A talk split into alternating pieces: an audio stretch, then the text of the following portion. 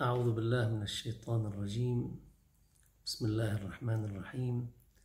الحمد لله رب العالمين والصلاة والسلام على سيدنا محمد وعلى آله الطيبين الطاهرين وأصحابه المنتجبين وعلى جميع الأنبياء والمرسلين. القرآن الكريم زاخر بألوان الهداية. الله سبحانه وتعالى أنزل هذا الكتاب من أجل أن يحدد لنا الطريق في الوصول إليه وأيضا الطريق للحصول على السعادة والأمن في الحياة. وهذا هو الذي أكده عندما نزل الإنسان إلى الأرض فإما يأتينكم مني هدى فمن تبع هداي فلا خوف عليهم ولا هم يحزنون.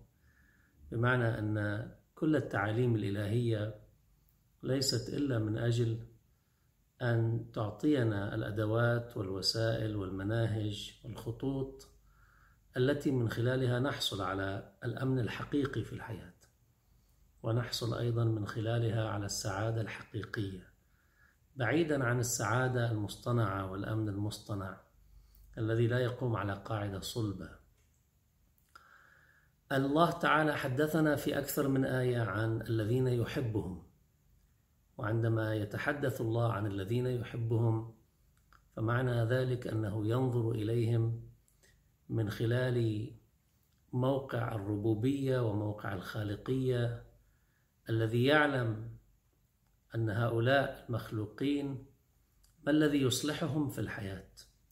فعندما يحدثنا عن أنه يحب المتقين معنى ذلك أن التقوى هي بالنسبة إلينا أمر صالح وأمر يصلح لنا حياتنا. وعندما يحدثنا الله سبحانه وتعالى عن أنه يحب المقسطين أن حياتنا الإنسانية البشرية لا يمكن أن تكون بلا عدالة بلا قسط. وبالتالي نحن نستطيع أن نحصل على هذه الطمأنينة وهذه السكينة في علاقاتنا الاجتماعية من خلال اتباع القسط من خلال تأسيس الجماعة المقسطة الجماعة العادلة وهكذا. فإذا عندما نريد أن نحدد أن الله يحب هؤلاء أو لا يحب هؤلاء كما سأتحدث في هذه الليلة معنى ذلك أننا نرصد النتائج المترتبة على هذه الصفات. بمعنى هذه الصفات كيف تنعكس على حياتنا؟ العدالة الله سبحانه وتعالى يحب المقسطين. الله سبحانه وتعالى يحب الذين يقاتلون في سبيله صفا كأنهم بنيان مرصوص. يحب الذين يتبعون النبي يحب المتقين وما إلى ذلك. أيضا عندما نريد أن نرصد الذين لا يحبهم الله سبحانه وتعالى علينا أن نعرف بأن الله لا يحب ذلك أو لا يحب هؤلاء. ليس لأن هناك عقدة من هؤلاء. أو لأن الله سبحانه وتعالى ليس حبا كله ليس رحمة كله وإنما لأن هذه الصفات هي الصفات التي تؤثر سلبا على حياة الناس. هذه الصفات التي تفسد حياة العباد. هذه الصفات التي تجعل الإنسان بعيدا عن خطوط الأمن في الحياة والسعادة في الحياة. والقرآن الكريم كما حدد لنا مجموعات يحبها كذلك حدد لنا مجموعات لا يحبها وهي بهذا المعنى الذي قدمناه. الجماعة الأولى التي لا يحبها الله سبحانه وتعالى هي جماعة المعتدين هؤلاء الذين يأخذون ما ليس لهم بحق هؤلاء الذين ينطلقون بالاعتداء على ما ينبغي أن يحافظوا عليه أن يلتزموا به. بالقرآن الكريم لو لاحظنا موضوع الاعتداء نجد بأن الاعتداء على قسمين. القسم الأول من الاعتداء أنه الله سبحانه وتعالى جعل لنا مجموعة من الحدود التي لا ينبغي أن نتجاوزها في علاقتنا بالله عز وجل أولا العبادات وغيرها. في علاقتنا بأنفسنا نحن ما الذي يجب أن كيف يجب أن نتعامل مع أنفسنا؟ نعتدي على أنفسنا مثلا. أو لا نسير وفق ما يصلح أمورنا يصلح أنفسنا أفكارنا نفوسنا أرواحنا سلوكنا أخلاقنا. وأيضا في علاقاتنا مع الآخرين. هناك مجموعة من الحدود التي حددها الله سبحانه وتعالى في حياة الناس وأراد لهم أن لا يعتدوها وأن لا يتعدوا عليها وأن لا يعتدوا عليها. وبالتالي الله لا يحب المعتدين يعني الذين يتجاوزون الحدود. كيف الله سبحانه وتعالى بيرسم لنا سياج ويقول لنا هذه الحدود لا تعتدوها. وبالتالي هذا النوع من الاعتداء على ما يصلح أمورنا هو أيضا يكتسب هذا المعنى أنه اعتداء وبالتالي أو عدوان. وبالتالي الله سبحانه وتعالى لا يريدنا أن نتجاوز المنظومة التي أنزلها إلينا لأنها إذا تجاوزناها فإننا بذلك نخرج من إطار الحدود التي حددها وبالتالي نخرج من إطار الرحمة الإلهية، الأمن الإلهي، السعادة الإلهية. أيضا من جملة الأمور التي لا يحب الله سبحانه وتعالى الاعتداء فيها هي ما له علاقة بالعلاقات بين الجماعات بين الناس. الآن أنت عندك مجتمع مسالم وناس مسالمين يعيشون بأمن وسلام تأتي وتعتدي عليهم بحيث تهجم عليهم. على أي أساس؟ الله لا يحب المعتدين. الله سبحانه وتعالى صرح بأكثر من آية في مسألة القتال أنه آخر الآية يقول إن الله لا يحب المعتدين أو الله لا يحب المعتدين. بمعنى أن القتال هو قتال دفاعي. أقصى ما يمكن أن يكون القتال والجهاد هو أن الإنسان يكون عندك نوع من الوقاية بحيث أن لديك إرهاصات أن هناك هجوم وشيك وإذا بقيت موجود فأنت ستقتل وستفنى. وبالتالي أنت تقوم بال... ليس بالهجوم بمعنى أنك تريد أن تعتدي وإنما أن أنت تقوم بعملية دفاع لكن متقدمة عند أرض الغير مثلا. هذا أقصى ما يمكن. أما إذا عندك مجتمع مسالم إذا عندك قاعدة للأمن والسلام والعدالة بين المجتمعات يأتي الإنسان هكذا لأنه يريد أن يحصل على ثروات الناس على نفط الناس على غاز الناس على الذهب والمعادن الموجودة في باطن الأرض في هذه القارة أو في هذا البلد أو ذاك البلد. هكذا يأتي ويعتدي على هؤلاء الناس يعتدي على ثرواتهم يعتدي على أعراضهم يعتدي على نفوسهم وأرواحهم يعتدي على نظامهم الذي آه، يحتكمون إليه ويسيرون فيه. هذا كله اعتداء والله لا يحب المعتدين.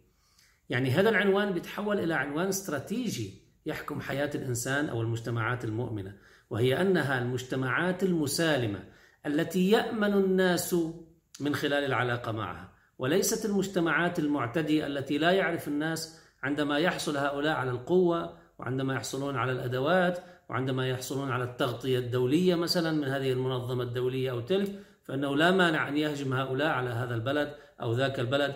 لأنه والله واحد جاي جاي على باله يوسع حدود بلده ويكبر البلد اللي هو فيه أو جاي على باله يروح يعتدي على الطاقة الحيوية الموجودة عند الآخرين. إن الله لا يحب المعتدين بمعنى أن الله سبحانه وتعالى يريد أن يكون أن تكون القاعدة الأساسية في علاقتنا مع الآخرين هي قاعدة الأمن الذي يشعرون معه بالأمن على نفوسهم وعلى أرواحهم وعلى مقدراتهم وعلى ممتلكاتهم. إذا هذه قاعدة استراتيجية يحددها الله من خلال بيان الذين لا يحبهم. العنوان الثاني الذي يقول يتحدث عنه الله سبحانه وتعالى بصيغتين. العنوان هو عنوان الفساد والمفسدين. في صيغة الله لا يحب الفساد أصل الفساد في الحياة الله لا يحبه. وفي صيغة ثانية الله لا يحب المفسدين. هؤلاء الذين يفسدون الحياة. يعني بمعنى أن هؤلاء عندك نظام للبيئة مثلا. طيب تأتي وتضرب نظام البيئي. من دون أن تحسب حسابات مثلا للمناخ من دون أن تحسب حسابات للتوازن البيئي المرتبط بالبحار والمحيطات والثروة المائية وغيرها. من دون أن تحسب حسابات مثلا لليابسة وحاجات اليابسة إلى التوازن وما إلى ذلك. بتلوث ما عندك مشكلة. المهم أنت تكون عم تعمل تصنيع وما في مشكلة أن تقوم بشيء على الأقل يخفف من هذا التلوث أبدا. مش مستعد توقع على معاهدة الحد من الانبعاثات الحرارية التي تؤذي البيئة وما إلى ذلك. هذا فساد. النظام الاجتماعي الفطري اللي له علاقة مثلا بالتزاوج بين الناس. الله سبحانه وتعالى جعل ذكر وأنثى تأتي أنت وتفسد هذا النظام الاجتماعي وتجعل ما في مانع أن يكون هناك علاقات جنسية بين ذكر وذكر وأنثى وأنثى ومتعددة وبعد شوي نتطور شوي طبعا تطور بالنزول. وبصير عندنا بعد شوي ما في مانع يتزوج الإنسان الكلب التي عنده أو بالعكس أو الحيوان الذي يربيه أو ما إلى ذلك. ما في مانع. شو المانع؟ في عندنا نوع من تخريب هذا النظام الاجتماعي لحياة الناس النظام الفطري لحياة الناس. الفساد الاقتصادي في حياة الناس حتى الربا مثلا ليش الله حرم الربا؟ لأنه يؤدي إلى إفساد العلاقات بين الناس يؤدي إلى ضرب هذا الخير الموجود في داخل الناس يؤدي إلى إثقال كاهل الناس بالكثير من الديون التي تزداد يوما بعد يوم. وعندنا دول الآن الدول الآن ترتهن وتسقط تحت تأثير ديونها الخارجية. وإذا فتشنا عن هاي الديون بيطلع معنا أنه جزء منه دين والباقي الجزء الأكبر هو عبارة عن فوائد. وبالتالي شعب بأسره بيكون بس عم يشتغل جيل ورا جيل ورا جيل بس لأجل يسدد يعني فاتورة الدين والفوائد المترتبة على الدين وليس أصل المال الذي أخذه من الآخرين. هذا كله فساد. هذا كله فساد. طبعا فساد السياسي فساد الأنظمة السياسية وما إلى ذلك هذا كله فساد. الله لا يحب الفساد والله لا يحب المفسدين. وبالتالي هذا الأمر الاستراتيجي أيضا الذي له علاقة بحياة المجتمعات وصلاح المجتمعات أمر أساسي ولذلك الله سبحانه وتعالى كان واضحا في تحديد أنه لا يحب هذا اللون من السلوك لا يحب أيضا الذين يسلكون هذا الجهل. الله سبحانه وتعالى لا يحب الكافرين. طبعا الكافرين إذا بنروح على الترجمات للمصطلح بالإنجليزية أو بلغات أخرى عادة بترجموه ل unbelievers يعني. الكافرين هم الذين لا يؤمنون. لا أبدا مش هيك الكافر هو الذي يعرف الشيء ويجحده. الكافر هو الذي يعرف الشيء ويستره يتنكر له. وبالتالي الآن إذا بدنا نعبر عنه بتعبير هيك آه واضح. بيعرف أنه الله سبحانه وتعالى موجود ولكن لا يقيم علاقة مع الله. هذا كافر بالعلاقة بالله. يعرف بأن الله سبحانه وتعالى وحده لا شريك له ولكنه يشرك به غيره. يعبد المال يعبد الجاه يعبد أصنام يعبد أوثان يعبد بشر. يعرف بأن محمدا رسول الله ويكفر بذلك. يعرف بأن هناك قيما. هذا من الناحية السلوكية. ولذلك أغلب الكفر في القرآن الكريم هو كفر العمل. كفر العمل مش كفر العقيدة فقط. كفر العمل بمعنى أن الإنسان يعرف أن حياته تصلح بهذه الطريقة. يعرف بأن الله لا يحب الفساد ويفسد. يعرف بأن الله لا يحب الاعتداء على الآخرين ويعتدي على الآخرين. هذا هو الكفر. هذا هو الكفر الذي ورد في القرآن الكريم. ولذلك هذا النوع من الكفر العملي هو يناقض الشكر. ولذلك شوف بالقرآن الكريم دائما بيقول لك لئن شكرتم لأزيدنكم ولئن كفرتم إن عذابي لشديد. بمعنى إذا أنت لم تقم بواجباتك تجاه منظومة القيم الأخلاق القواعد التي تصلح حياة الناس تجعل لهم الأمن تجعل لهم السعادة تجعل لهم الصلاح فأنت كافر. حتى لو كنت مؤمن بالله مؤمن برسول الله ومؤمن بالقرآن ومؤمن بكل الكتب السماوية وبكل الأنبياء. أنت كافر عملا. وهذا هو اللي بيعطي أثره الكبير في الحياة. أصلا نحن الإيمان نفسه يعني العقائد ليش العقائد؟ حتى تأسس لك الأرضية التي على أساسها تبني السلوك الأداء الفعل الإنتاج اللي نحن عم ننتجه بحياتنا. وبالتالي إذا أنا مؤمن لكن سلوكي سلوك كافر بكون مؤمن بالعقيدة يعني عندي أفكار إيمانية لكن كل خلينا نقول 70% 80% من وجودي بالحياة هو عبارة عن كفر. شو قيمة هذا الإيمان عندئذ يعني الله بشلنا هيك الديتا الموجودة بدماغنا بكرة يوم القيامة بحطها بالجنة وبحطنا كلنا بالنار بعدين يعني. ليش يعني؟ لأنه كل نتاجنا هو نتاج كافر. فإذا الكفر في القرآن الكريم ليس مجرد أن لا تؤمن وإنما الكفر هو أن تعرف الشيء ولكنك تجحد الشيء وتكفر به. وهذا بيعطينا أيضا قاعدة لفهم طبيعة العلاقة مع الآخرين لأنه بيصير الكفر مسألة نسبية. في ناس يؤمنون بالله كما نؤمن لكن يكفرون بشيء آخر. وطبعا اللي بيكفر هو مين؟ هو اللي بيعرف وقامت عليه الحجة ثم بعد ذلك لا يلتزم بذلك. هذا أيضا عنوان من العناوين التي ذكرها القرآن الكريم. الله لا يحب الظالمين الظلم ضد العدالة إذا كان الله يحب المقسطين فالظالم أيضا الله لا يحبه. طبعا بالظلم عندنا ثلاث أبعاد أو ثلاث اتجاهات لحصول الظلم. في عندنا ظلم العبد ربه بمعنى أنه لا يقوم بالعدالة مع في علاقته مع الله سبحانه وتعالى. الله رب الله خالق الله مالك وبالتالي يجب أن يعبد يجب أن يطاع آه، وبالتالي الإنسان الذي لا يقوم بذلك هو ظالم لله سبحانه وتعالى.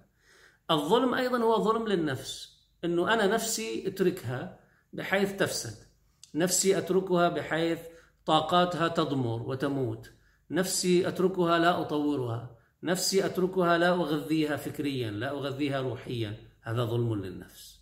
وأيضا في ظلم للآخرين.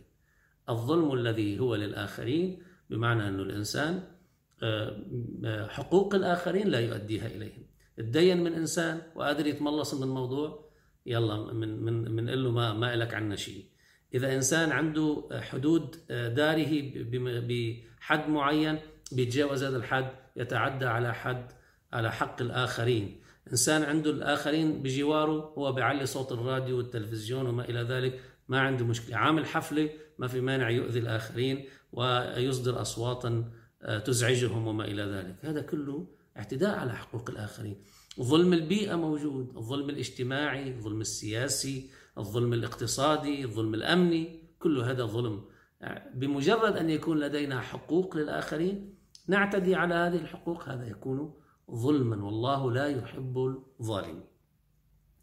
الله سبحانه وتعالى أيضا لا يحب المسرفين. وهي واحدة من العناوين الغائبة مع الأسف. كثير من الأحيان بنلاقي حالنا نسرف بأمور وهذه الأمور تؤدي أيضا إلى هدر الطاقات.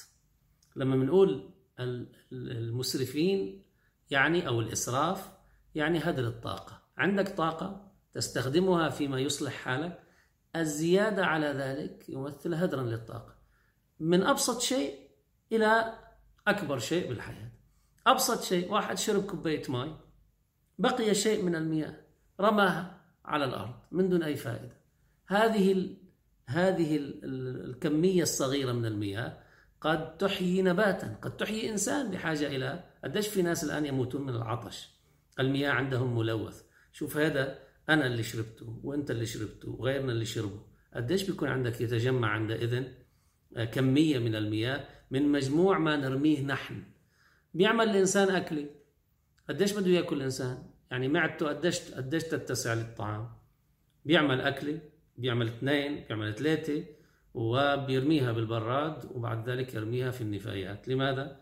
لأنه هيك بس هو مزاجه بده يقعد ويشوف السفرة قدامه آه، فيها ألوان من الطعام حتى يشتهي. يا أخي قديش بتاكل؟ أكلة واحدة كافية. عود ذهنك وتبلش موضوع الإسراف وموضوع الاقتصاد ببلش من الذهنية. ذهنيتنا كيف تطلع على الأمور؟ نحن بنحدد إذا كنا مسرفين أو ما كنا مسرفين. الله لا يحب المسرفين. في, في أيضا في تبديد الطاقات في هدر الطاقات ولا يحب المسرفين أيضا في حتى بالنسبة لبعض الأمور اللي لها علاقة بعمل الخير. أنت بتعطي زكاة مالك أنت بتعطي حق مالك. ما تسرف في ذلك بحيث توقع نفسك بالتهلكة. حتى هذا المستوى. ليش؟ لأنه هذا فساد لإلك لأنه بيوقعك بمشكلة. وفساد للآخرين اللي بيتعودوا بس هن عالة على المجتمع بس بياخدوا ما بيحركوا أي جهد في سبيل أنه يطوروا طاقاتهم ويتحولوا من مستهلكين إلى منتجين. فإذا الله لا يحب المسرفين في الاتجاهين. خلينا نقول ناخذ قاعدة من هذا الموضوع أنه الله لما لا يحب المسرفين يعني أنه لا يحب أن تهدر الطاقات من دون أي فائدة. طيب تخيل هذا المبدأ الصغير. قديش هو عبارة عن ثلاث كلمات لا يحب المسرفين. هذا المبدأ من ثلاث كلمات تخيل شو ممكن يعملنا بمجتمعاتنا. تدوير النفايات الآن بنحكي عن تدوير النفايات اللي هو واحدة من أهم الأمور التي تحمي البيئة التي لا تهدر الطاقات التي تعود علينا بالمنافع الكثيرة. فينا نولد كهرباء من النفايات فينا نعمل أسمدة فينا فينا كثير من الأمور نستفيد منها لحياتنا. من دون ما نقضي على البيئة فينا نعمل تدوير ومثل ما صنع الغرب الآن موجود. ما في حاجة نحكي عليه كثير يعني نحكي عنه كثير بمفرداته. لكن تخيل أنه بيجي الإمام الصادق عليه السلام بيقول لك أنه إن القصد أمر يحبه الله وإن السرف يبغضه.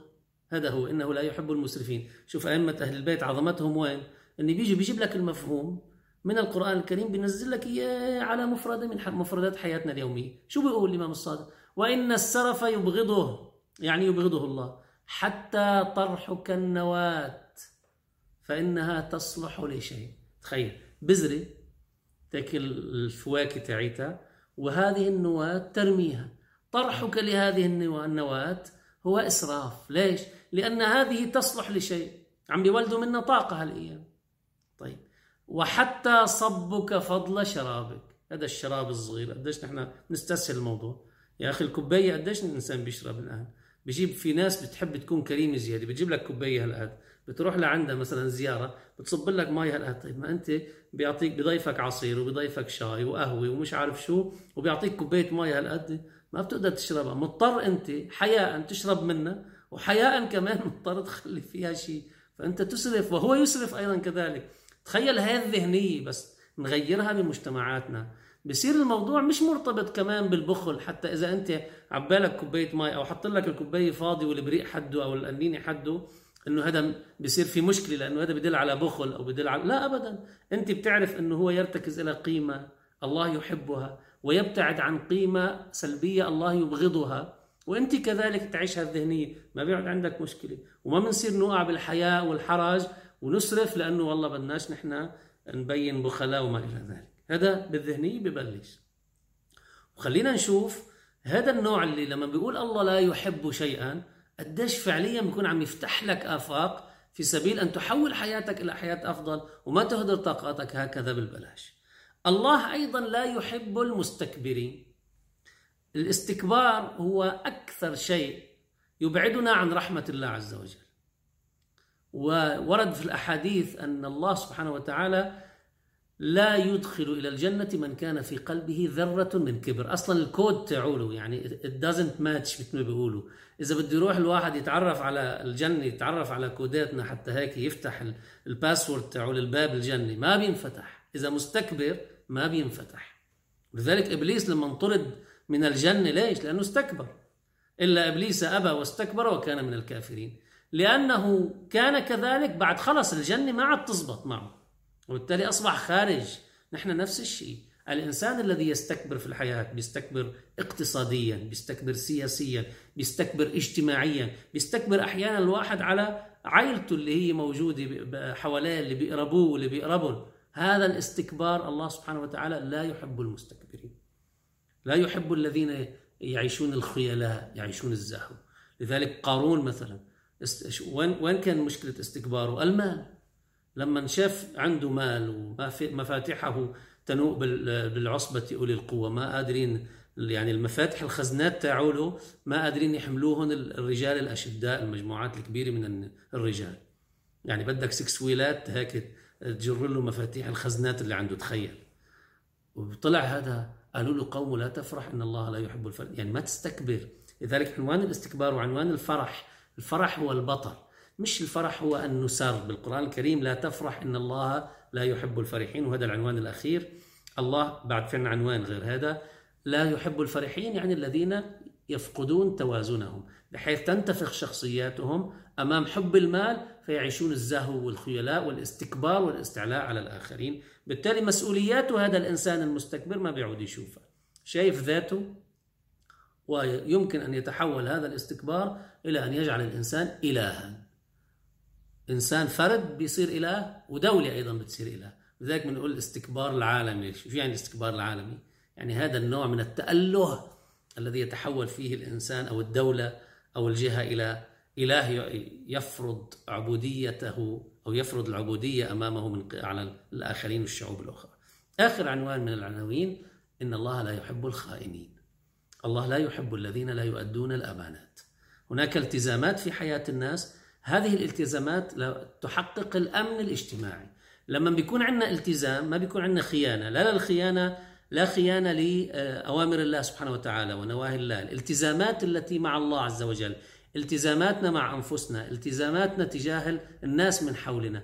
لا يحب الله الخائنين الذين يخونون التزاماتهم. تخيل أنت كلمتك هي التي تقيدك. واحد في كثير من المشاكل نتيجة شو؟ إنه والله مش كاتبين ورقة بين اثنين لكن أنت عارف وهو عارف إنه أنتم التزمتوا بكلمة وأنتم هناك عقد التزمتم فيه تجاه بعضكم البعض لكن لأنه ما في وثيقة مستعد الواحد يخون الأمانة. الله لا يحب الخائنين لأنه يريد للأمن الاجتماعي أن يكون سيد الموقف في علاقة الناس مع بعضهم البعض. هذه العناوين التي لا يحبها الله سبحانه وتعالى.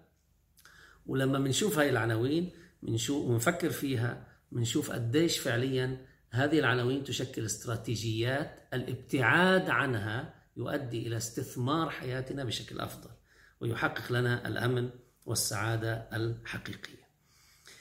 Subhanahu wa ta'ala in the Holy Quran mentions many uh, groups of people, those who uh, uh, whom he doesn't like or doesn't love. The first group is those who uh, are transgressors. إن الله لا يحب المعتدين والله لا يحب المعتدين.